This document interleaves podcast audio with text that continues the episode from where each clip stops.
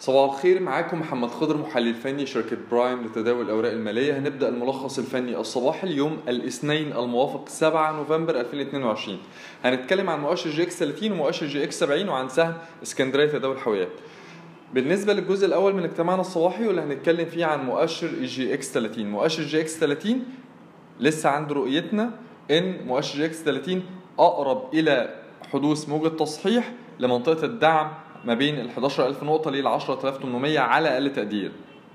شايفين إن في مكونات كتير من مكونات مؤشر EGX 30 تزداد فيها مخاطر الشراء بعد موجة الارتفاع الأخيرة على سبيل المثال سهم زي اسكندرية تداول الحاويات إحنا ميالين أكتر إن السهم أو مش بنرجح إن السهم يتجاوز منطقة المقاومة ما بين ال 13 جنيه 13 جنيه ونص وشايفين إن مخاطر الشراء حوالين أو, عند مستويات الأسعار الحالية قد تكون مخاطر شراء مرتفعة لاحتمال حدوث موجة تصحيح.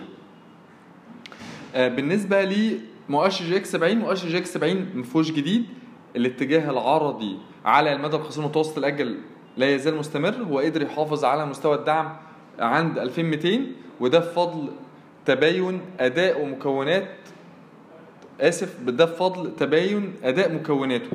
وإحنا وضحنا الكلام ده في الاجتماع الصباحي اليوم الحد وقلنا إن كل مكون من مكونات مؤشر EGX 70 بيتحرك في اتجاه مختلف. وعشان كده إحنا برضو لسه عند نظرتنا إن إحنا أفضل استراتيجية للتعامل مع مؤشر EGX 70 هو إن إحنا نعامل كل سهم بشكل منفصل. شكرا.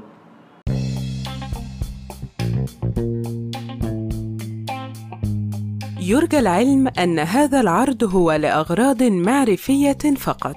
ولا يمكن اعتباره عرض أو توصية شراء أو بيع أو إدارة استثمارات أو خدمات استشارية. ينصح باستشارة مستشارك المالي قبل اتخاذ أي قرار استثماري. الأداء التاريخي ليس مؤشرا يعتمد عليه لتحديد الأداء في المستقبل.